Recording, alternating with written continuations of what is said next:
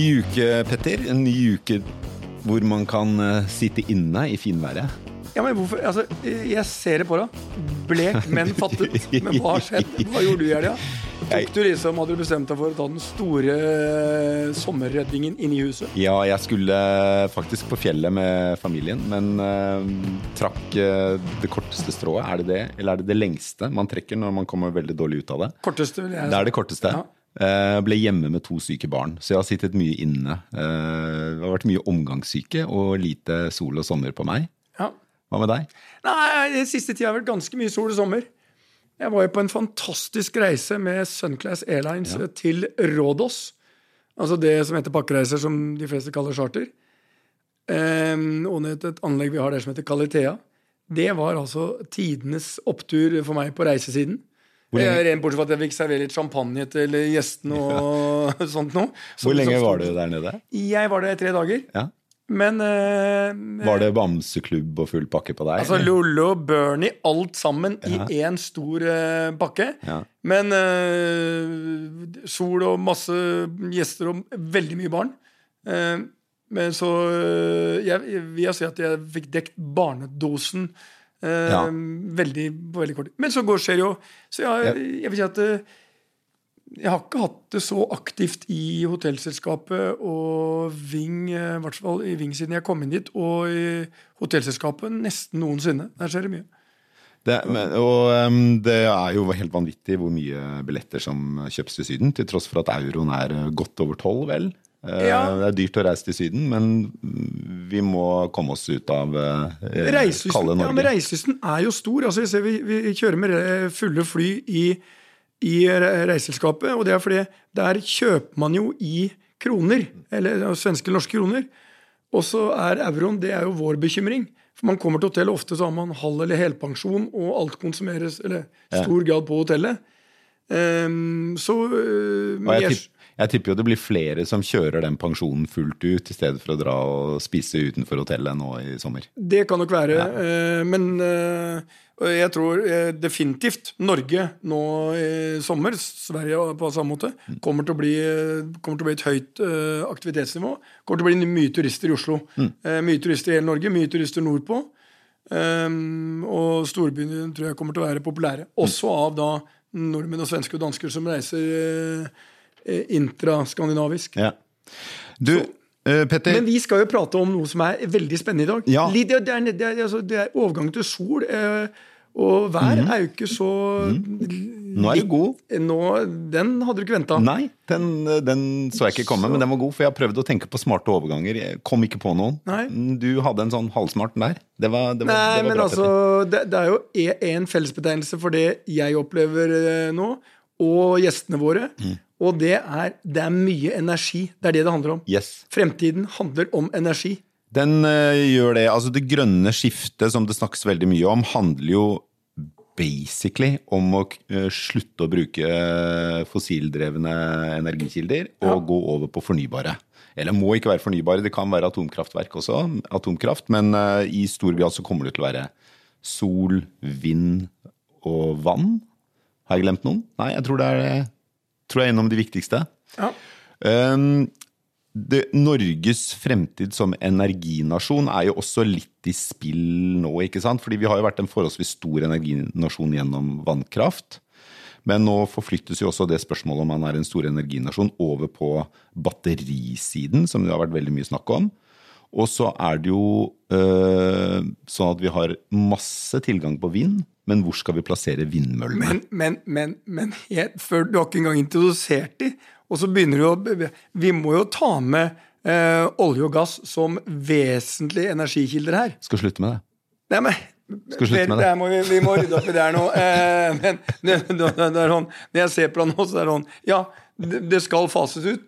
Eh, jeg er jo en av de som tror at dette tar ganske lang tid, så vi får se hvordan vi kan løse problemet underveis. Men vi må introdusere gjestene, for jeg har et åpningsspørsmål da, i tråd med det du sa. Du, La oss uh, introdusere gjestene først. Eh, Terje Pilskog, administrerende direktør i Skatec. Velkommen til deg, Terje. Tusen takk. Og så har vi deg, Hildegunn Blindheim, administrerende direktør i Offshore Norge. Velkommen til deg også, Hildegunn. Takk skal du ha. Offshore Norge Ja, nei, skal jeg nå må- jeg må- du, du varslet at du hadde et spørsmål. Jeg, jeg må begynne, Hildegunn, med følgende. Hva er altså energi? Vi er enige om at det inkluderer olje, olje og gass. Hvordan har Norges posisjon endret seg eh, de siste 20 årene, og hvordan kommer den til å se ut de neste 20 årene? Altså foregående 20 og neste 20. For det jeg lurer på her, er det grunn til å tro at det er realisme i å fase ut dette olje og gass som alle snakker om, innenfor de neste 20 årene? Ja, det er ikke noe tvil om at vi er jo energinasjon både pga. vannkraften og pga. olje og gass. Snakker ikke om olje og gass lenger. vi snakker om det! jeg skal i hvert fall snakke litt mer om det. Ja, ja. ja. nei, og det er klart, sant, Hvis man sammenligner I, i fjor, pga. Ukraina-krigen, så, så, økte jo våre selskaper så mye det kunne, gassproduksjonen. Og den økningen var på rundt 8% i forhold til det vi leverer hvert år den energimengden som vi økte med, 8% kan jo høres veldig lite ut, men den tilsvarer jo nesten all energien vi produserer i vannkraft hvert år. Så det sier noe om dimensjonene av hva vi faktisk leverer til Europa. Så dette her er jo noe som de var desperate etter å få flere kilder. Har, Europa har begynt å importere veldig mye LNG. Det er en enda mer eh, utslippsintensiv gassform, da, for å si det sånn. Flytende gass. Eh, så at vi har hatt en viktig rolle i forhold til Europa som leverandør av både olje og gass de siste 20 årene, det er ikke noe tvil om. Det som kommer framover, er jo selvfølgelig det er litt mer usikkert, spesielt på oljesiden.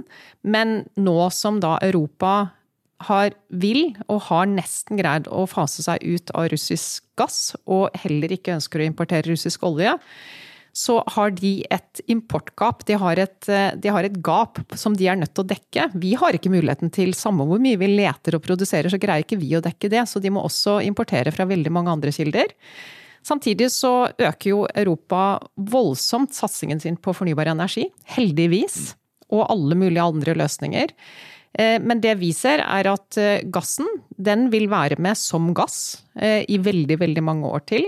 Eh, vi jobber med hvordan vi kan dekarbonisere den, dvs. Si at vi kan ta ut CO2-en, eh, klimagassene, fra gassen, og så levere den som ren hydrogen til Europa etter hvert. Det er det allerede prosjektet på.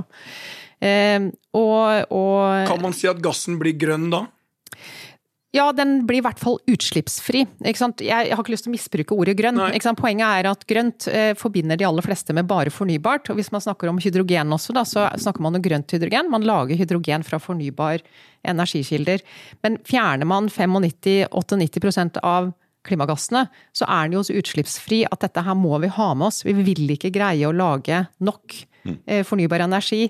Og tilsvarende løsninger på ganske så lang tid. Så det vi må gjøre for å nå klimamål, det er jo å dekarbonisere bruken av den oljen og gassen vi eh, trenger. En ting som eh, jo skjedde ganske umiddelbart etter eh, at krigen i Ukraina begynte, var jo at energi i langt større grad enn før ble sett på som en strategisk viktig ressurs en sikkerhetspolitisk viktig ressurs, som jo gassen du trekker frem er et eksempel på. Og gassledningene som går fra Norge til eh, kontinentet er jo kanskje den viktigste eh, enkelttingen å beskytte for Europas sikkerhet nå. Eh, men også fornybare energikilder. Da. Altså, det ble jo økt fokus på sol og vind, også fordi da hadde du kontroll på hvor energien ble laget, eh, Terje. Er det noe dere har merket at interessen for eh, å samarbeide med Skatek og, og andre i ditt marked har blitt eh, høyere? Ikke bare fordi man trenger mer strøm i seg selv, men fordi man trenger mer strøm man har kontroll på? Ja, helt klart. Altså, vi ser at, eh, at, det at eh, strøm og energi som du sier, nå har også blitt et sikkerhetspolitisk tema. Det fører også til økt etterspørsel etter fornybar strøm, som i hvert fall i hovedsak uh, produseres uh, tett uh, opp til der hvor det faktisk forbrukes, også i samme land eller, eller, nærliggende land. Det er jo ikke så mange steder rundt omkring i Europa og ellers i verden hvor man har så store si, transportkabler for mm. strøm, som det man har f.eks. mellom Norge og Sverige og, og, og, Norge og Europa også, for så vidt. Men, men det at man kan erstatte Eh, en del av importen av eh, dyr olje og gass for å produsere for å eh, produsere strøm, og heller gjøre det lokalt. Så det er viktig.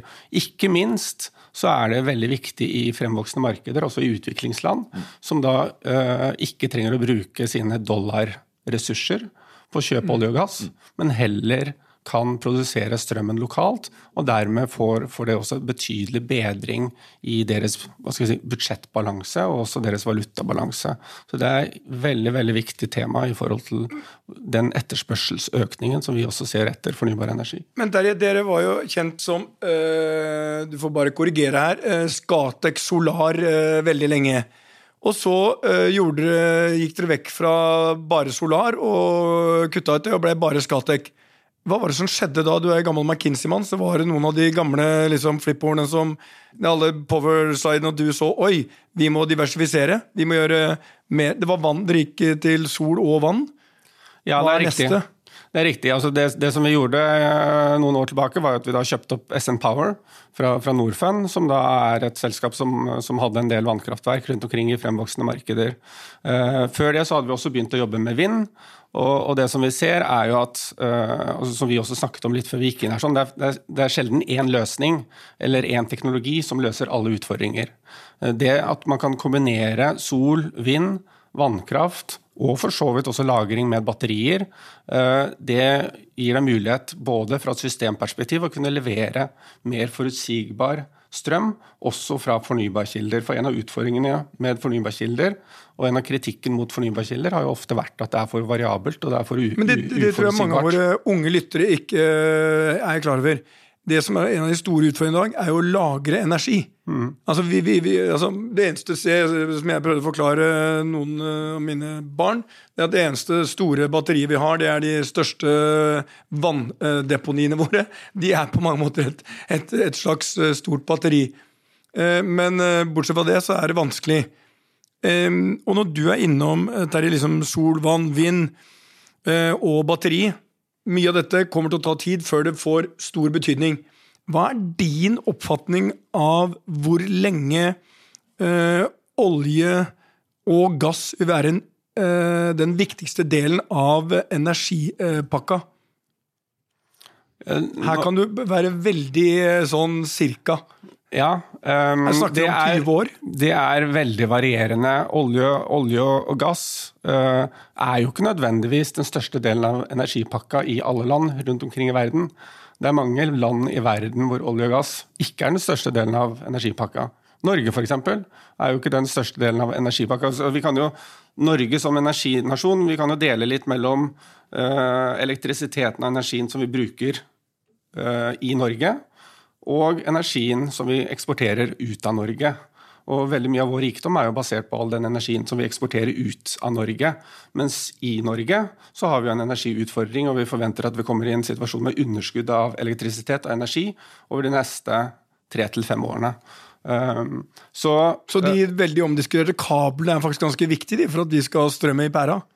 Ja, Alternativt så må vi gjøre noe i forhold til, uh, i forhold til veksten uh, knyttet til å bygge ut ny uh, energiproduksjon i Norge. Alternativt så må man gjøre noe dramatisk på, på energieffektivisering. Men, men, men, det er klart at jeg skal prøve å komme tilbake til det opprinnelige spørsmålet ditt etter hvert. Ja, jeg lurer bare på Hvorfor disse investerer milliarder i Johan Sverdrup og sånn som sier de skal eksistere i 50 år? Det er noen som må ta Noen har jo rett der, noen har feil. Ellers så er det noen som har en oppfatning at olje og gass kommer til å være en sentral del av vår uh, energimiks i uh, 10-20-30 år. Og så har vi deg som er litt mer nyansert, men det er jo det som er fantastisk i business. Oss, uh, Hildegunn sitter her og, og ja, nå har hun vendt fem ganger.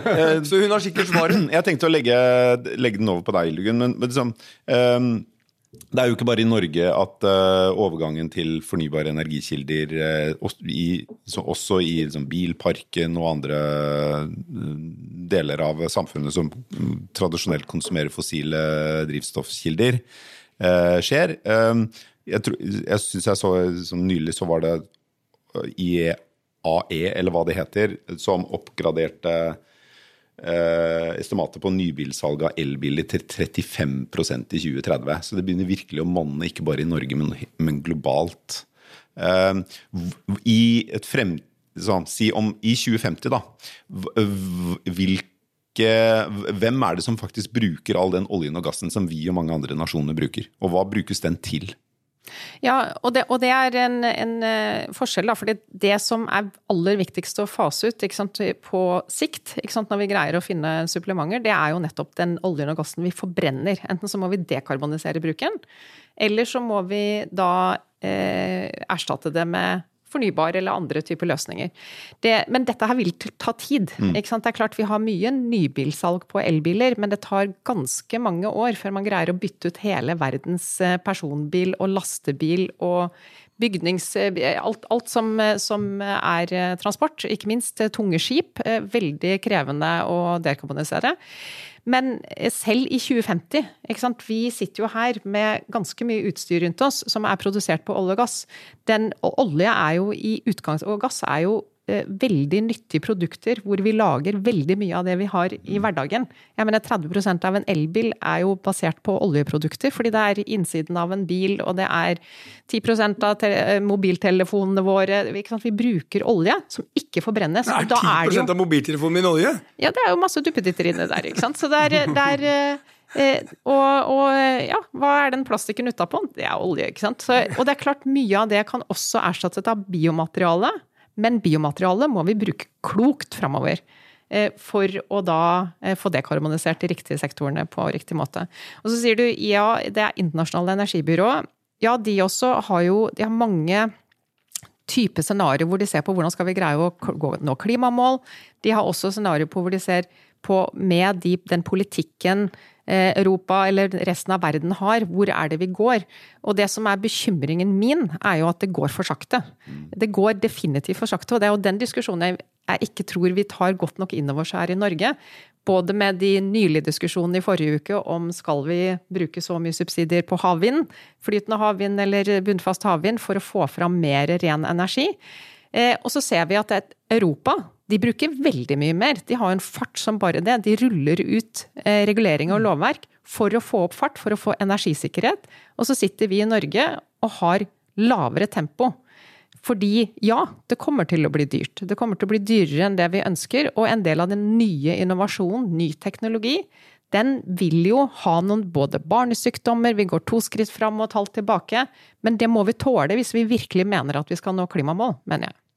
En ting som har skjedd de siste, uh, siste, par årene, uh, og som vel har kommet overraskende på mange, er hvor fort uh, fornybare energikilder er blitt konkurransedyktige sammenlignet med fossile kilder. Fordi det er jo sånn det man er blitt vant til å si, er jo at olje og gass er så hysterisk mye mer lønnsomt enn alle andre energikilder. Mens nå, bygge en solpark Eh, er mer lønnsomt enn noe, hvis man ser på hva det koster å få en solpark på plass. Eh, har det mye å si for utviklingen av solkraftanlegg eh, fremover? Eller er det det store energiskiftet som i seg selv ville drevet det frem uansett? Eller kanskje? Det er begge deler, åpenbart. Men... Jeg tror det er litt begge deler, men det er klart at altså, bare for å være helt tydelig, altså, fornybar energi er den billigste energikilden som vi har i dag. Mm. Men ikke alle former, da. Havvind er jo veldig dyrt sammenlignet med sol. Ja, ikke alle, alle former, og, og, derfor er det viktig at man alltid er altså tar også et fundamentalt perspektiv på hva er de beste mulighetene i de beste Eh, i de stedene hvor man, hvor man jobber. Mm. Altså F.eks. i Egypt så kan du bygge ut solkraft og for så vidt også vindkraft og produsere det til, til 20 øre per kWt. Uh, og, og, og, det som er interessant når man ser på fornybar, er jo at det er en del, uh, det er en del hva skal vi si, endringer geografisk i forhold til hvor man kommer til å få den billigste energien videre fremover. Og det må man ta, ta hensyn til. Eh, det er klart at Nord-Afrika f.eks. Der kan man produsere masse, masse billig fornybar energi. Man kan bruke den fornybare energien til å, til å konvertere det til grønt hydrogen, eh, som er da 100 eh, fossiltfri. Um, og transportere det ut. Enten transportere det ut gjennom uh, energibærere som f.eks. ammoniakk, uh, eller også legge kabler over til Europa og bare sende elektrisiteten over til Europa. Så, så, sånn at det er Altså fornybar energi uh, er helt klart en veldig konkurransedyktig løsning. Er ikke det da mer fornuftig å fylle Nord-Afrika og Sør-Europa med solkraft fremfor å bruke store ressurser på eh, å dekke kysten av Europa med havvindmøller, som ikke er lønnsomme? Nå er jo ikke, uh, Igjen da, så er det sånn at hvorvidt havvind er lønnsomt eller ikke, uh, det avhenger av et par ting. Det avhenger for det første av altså, hvor bygger du det, hvor langt fra kysten er det, hvor dypt er det, hvor, hvor mye blåser det akkurat der sånn. Og havvind mange steder er lønnsomt og, og konkurransedyktig, det også. Uh, og så Det andre som er viktig, er jo uh, teknologiutviklingen også innenfor havvind. Uh, du har selvfølgelig diskusjon rundt flytende versus bunnfast havvind. Og det er klart at Nye teknologier de begynner høyt på læringskurven. Mm. Og dermed også er de dyre? Og så er de dyre i begynnelsen og, og trenger hva skal vi si, fødselshjelp for å komme i gang. Det samme var jo tilfellet også med sol og vind i, i, for, for, en del år siden. Uh, man trengte litt fødselshjelp for å komme i gang. Og så går man ned på læringskurven, og så blir det billig og konkurransedyktig over tid. Men litt fødselshjelp vil jo, vil jo, kreves for å komme i gang med men, nye energikilder. Det, det, dette er interessant, og på mange måter begge kan svare på det. Vi som sitter i Norge, som er kanskje en av verdens ledende, i hvert fall på øh, å ta opp olje på svært dyre og kompliserte uh, farvann, uh, vi bør jo ta sikte på å bli også en av verdens ledende innenfor ny fornybar energi, uansett om det er havvind eller hva det måtte være. Har vi de nødvendige ferdighetene? Har vi planer som gjør at vi kan sikre oss den nødvendige kompetansen i fremtiden? Og har vi nok fokus på det i dag? Altså Innen olje og gass, definitivt, vi er verdensledende, eh, men vi bør ha da mulighet for å bli det samme innenfor en rekke andre fornybare områder. Ja, bare sånn eh, ja, vi har veldig mye av den kompetansen vi trenger. Olje- og gassbiten skal du ha store industrielle prosjekter til havs. og Jeg vil bare tillegge også i forhold til den kostnadskurven på flytende havvind. Ja, det er dyrere enn det man kan Man trenger subsidier og fødselshjelp for å få, få det i gang. Men man, får man industrialisert dette her og får skala på det, så vil man jo få ned kostnadene også der. Og det er det man virker som man glemmer hver gang man snakker om en ny teknologi. Så ja, i olje og gass så har man, har man veldig mye kompetanse. Skal man montere eh, det være seg bunnfast eller flytende havvind ute i havet Vi har leverandørindustri, vi har skip, vi har folk som kan dette her. Vi ser det også når våre selskaper flytter, flytter personene sine over, folka sine over på, på havvind eller på CO2-lagring for den saks skyld, så har vi kompetansen. Men det er noen biter. Vi har jo fremdeles ikke et universitets... Eller jo, vi har kanskje det nå, eh, akkurat kommet. Linjer som spesialiserer seg på havvind. Eller på de spesialistbitene som vi trenger innenfor nye verdikjeder. På CO2-lagring har vi det på, på, geologikompetanse. Det kan eh, olje- og gassektoren. Men det er biter av dette her vi trenger å styrke utdanningssektoren vår på. Mm. Det er stor konkurranse om eh, arbeidskraften, ikke bare i Norge, men også i Europa. Jeg skjønner jo hvorfor offshore Norge er, er for vindmøller til havs. Men selv om det da er en ny teknologi, og man er litt usikker på hva som er den beste måten å, å ha havvindmøller, så er det jo i hvert fall sånn at eh, vindmøller på land er vesentlig mer lønnsomt uansett hvordan du vrir og vender på det, og det krever mindre arbeid. Du er nærmere kablene som kan frakte strømmen rundt osv. Men uh, der er det jo NIMBY, som man kaller det. da, Not in my backyard. Ingen har lyst på en uh, vindmølle i hagen eller i, som forstyrrer utsikten, eller i reinbeiteområdene som vi det var mye snakk om på Fosen. Er det, eh, I noen land så er det i hvert fall, begynner man å tenke på hvordan myndighetene kan skjære mer igjennom mot, off, mot uh, lokal motstand. Så Skjære mer igjennom den NIMBY-faktoren. Tror dere vi vil se det i Norge? At du får myndigheter som sier ok, hør hva du sier. Synd at du får en, vind, en vindmølle i hagen din, men sånn må det være. Fordi vi har det grønne skiftet, og det må vi være med på. Jeg, jeg, tenker at uh, skal vi nå klimamålene våre, og skal vi også fortsette å, å være en nasjon som har tilgang til uh, ren, fornybar strøm uh, i fremtiden, og imøtekomme det energibehovet som vi har som land i en mer elektrifisert verden i fremtiden, så må vi akselerere utbyggingen av fornybar energi i Norge. Og Da må myndighetene være veldig tydelige, både i forhold til eh, rammevilkår, ikke drive og endre rammevilkår. De må være tydelige på hvordan man raskt kan få tak i de tillatelsene man trenger for å, for å bygge ut. Og det må være en tydeligere plan tenker jeg, for å få ut, utbygget fornybar energi. Mindre NIMBY-faktor i utviklingen? Er det, må det til, Hildegunn? Ja, men jeg tror den NIMBY-faktoren, not in my backyard, det har også med hva, hvordan skal man sette ut en del havvindmøller, da, så går det på hvor tidlig har du god dialog med de aktørene som vil bli påvirket av dette her, da. Hvordan får du til den gode dialogen? At man hører, eh, har gode høringer Eh, det vi gjør nå til havs, fordi vi kan også få NIMBY-faktor eh, ute i havet. En ting er at vi har veldig gode vindforhold ute i havet, kanskje bedre enn mange steder på land eh, i Norge. Så, har, så, det er ikke bare for oss å få det ut mm. av syne at vi gjør dette her. Vi kan også konkurrere globalt. Det er flere steder i verden hvor man ikke kan ha bunnfast havvind. Men, men, der har vi fiskerier. Eh, i, så vi har et veldig tett samarbeid med fiskeriorganisasjonene. Nettopp for å da mm. unngå at det blir konflikter ute til havet. Men det er jo det du, den medvirkningsprosesser er jo ja. det man eh, gjerne kaller det i eiendomsbransjen, som jo kjenner NIMBY-faktoren bedre enn noen andre. Eh, men det tar jo likevel, bare her i Oslo, så tar det jo langt over fem år i gjennomsnitt å få regulert en eiendom før du i det hele tatt kan begynne å lage grunnmuren.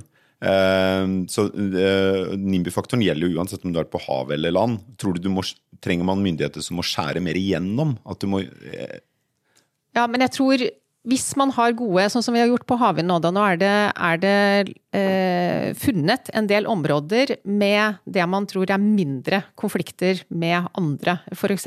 fiskeriene eller skipsruter osv. Så hvis man har den prosessen gått fra start, og at verdiene, ikke minst da, hvis man da skal ha eh, Får man arbeidsplasser, får man deler av inntektene? Eh, det har jo også vært noe av, eh, av diskusjonen på vindkraft på land. Mm. Det at befolkningen skjønner hvorfor dette må til, det trengs. Og vi tror vi trenger også å snakke mer om at det, vi kommer ikke unna flere master verken på land, vi kommer ikke unna flere havvindmøller eller solcelleparker hvis vi faktisk mener det vi mener. Og befolkningen i Norge har jo faktisk valgt sine folkevalgte som mener vi skal nå klimamål. Og siden vi er inne på folkevalgte, eh, vi begynner nærme oss slutten, og da må vi eh, heve perspektivet litt her. Du er kongen av overganger i dag, Petter. Ja, jeg kjenner jeg har mye energi nå når vi snakker om det. Altså Her er et helt lite fornybart, fornybart kraftverk. Ja. Altså når sola kommer og sommeren er her. Ikke tenk på det. Men vi, skal, vi snakker om energipolitikk. La oss um, gi en uh, enkel forutsetning. Du har uinnskrenket Spørsmålet går til begge. Vi kan begynne med deg, Terje. Du har uinnskrenket makt over å sette norsk energipolitikk um, for fremtiden. Uh, og med kun én input. Den skal ende med å bli uh, fornybar og grønn. For eh, selv om ikke vi når 1,5 eh, %-målet, ga vi kanskje fortsatt et lønnlig håp om to. Ehm, og det du sier, sånn blir det. Hva gjør du? Da er det vel to deler av det. Jeg tenker det, første er hvordan sikrer vi at vi fortsatt har tilgang til nok og fornybar og eh, så billig som mulig strøm i Norge for å utvikle Norge som industrinasjon også etter olje og gass. Eh, om det ikke tar slutt, så får vi i hvert fall håpe over tid at vi klarer å redusere forbruket av olje og gass. Eh, og da må vi akselerere utviklingen og utbyggingen av fornybar eh, energi. Sol, vind, havvind. Alle disse, disse formene over tid. Og, og, og, legge til rette for at det kan gå raskere. På sol så ligger vi sikkert fem år bak Sverige. Eh, et land som Polen de bygget ut eh, fem gigawatt med sol i fjor. Det er ikke veldig mye bedre solforhold i Polen enn det der i Norge. Litt bedre, men ikke veldig mye. Så det er store muligheter for å akselerere den utviklingen. Men som minister så er det naturlig, da, hvordan skal du nå disse målene? Ta igjen eh, Polen eller Sverige? Det var jo overraskende for meg å høre. Men er det subsidier, eller hva er det som har gjort at Sverige ligger langt foran oss? Ja, Det er eh, både en del subsidier i Sverige, altså at man legger til rette, eh, legger til rette for utviklingen, og at man eh, jobber for å og at, at tillatelsesprosessene går raskere. Altså det som dere også snakket om i forhold til Oslo, og hvor lang tid det tar å få tillatelser for å bygge et nytt hus i Oslo. Bra. Uh, I, i Hildegunn, uh, vi vil gjerne ha litt mer diktatortakter over din eh, energipolitikk nå. fordi det, var, det er veldig bra det du sier, Terje, men, men eh, Petter ga dere full Uinnskrenket. uinnskrenket makt Uinnskrenket nå. makt. Så finn din indre Erdogan. Kjør på, Hildegunn. Ja, da eh, kjører vi i gang med havvindutbyggingen. Eh, vi må Og da få- snakker vi i stor skala. i stor skala Med subsidier. med subsidier for å få det i gang. Og så er det jo industrien som vil ha ansvaret for å sørge for at kostnadene går ned. For subsidiene vil jo ikke være der for alltid. Så må vi få til CO2-lagring. hun står her med hånden Ja, og går, går, jeg syns- gjennom, går gjennom Jeg syns Hildegunn fant sin indre Audugan nå. Det er veldig bra. Ja, Fortsett med denne. Ja, ja. Så må vi få til CO2-lagring. Vi er nødt til, og det så vi jo Miljødirektoratets rapport forrige uke, vi kommer ikke utenom CO2-fangst på industrianlegg. Eh, Her vil det heller ikke gå av seg selv, så her trenger vi faktisk å skyte inn midler. Og det er nettopp for å sikre framtidig konkurransekraft for både industrien på land, det at vi får bygd opp en ny industri eh, ute i havet med de nye verdikjedene. Når olje og gass vil bli mindre, så trenger vi arbeidsplassene. Så vi kan ikke stoppe nå med å bruke så forferdelig lang tid på hver eneste diskusjon med en gang vi snakker om noe risikoavlastning, som vi liker å kalle det. Så det. du sier, av disse 15 000 milliarder vi sitter med på eh, fondet vårt, så bør noe av de gå til subsidier for å utvikle det nye eh, Energi-Norge. Ja. Terje, vi kan vel si at du var litt mer sånn som en politiker ville være. Eh, og med din bakgrunn i McKinsey så overrasker det meg ikke, for der er det alltid sånn at eh, jeg kan gi dere løsning A1, A2, A3 og B1, B2, B3. Og liker dere ikke den, så har vi- så har vi, har vi så har vi en ny slide. Men, men du, ja. Ja, nei, Det er ikke for å forsvare meg selv, men uh, la meg gå da til B. Er det, er det. Erdogan-løsningen? Er mest sannsynlige som McKinsey har i. Gir deg en kjapp Erdogan-vri der på tampen, Terje, for nå må vi eh, runde Fordi av. at uinnskrenket makt. Det, fordi at det andre som jeg ønsket å snakke, snakke om, det er altså hva, hva skal vi erstatte uh, vår uh, aktivitet innenfor olje og gass med? Eh, og vi kan fortsatt være, og vi kan fortsatt bli, en ledende energiaktør internasjonalt basert på fornybar energi. Og det snakket vi så, litt om, så vidt om. Eh, vi, har, eh, vi har sterk kompetanse. Vi kan energimarkeder, vi kan elektrisitetsmarkeder, vi kan store prosjekter. Eh, Vi har masse kapital, ikke minst. Og det eh, å bruke denne kompetansen både innenfor fornybar energi, trekker det over til grønn hydrogen, men ikke bare gjøre det i Norge, men også ta en rolle internasjonalt eh, og bygge kompetansemiljøer rundt dette. Der tror jeg Norge har en kjempemulighet. Ok, bra. Uh, Kan jeg bare- ja, som vi må runde av. Så det, Ja, da, bare- du er jo en en, diktator, så vi får Nei, nei, eh, jeg er jo tidligere forsker, så jeg var jo veldig ukomfortabel med den diktatorrollen. Ja. Eh, Jeg bare, sånn helt seriøst, jeg skjønner bekymringen i, hos politikerne med at dette vil koste, men det er det det vil hvis vi faktisk skal få til denne omstillingen. Eh, Så jeg skjønner bekymringen. Eh, Jeg skjønner at man trenger å diskutere dette grundig og få brede forlik, men vi, vi kan ikke stoppe nå og si vi venter en gang til. Ok. Ja, og da er det vel sånn eh, at hvis vi oppsummerer eh, våre to gjester eh, sånn i klart språk, med et oljefond på et, eh, 15 000 milliarder, så kunne vel disse fort funnet på å sagt 95% av de eh, pengene vi har der, skal vi fortsette med akkurat som vi gjør.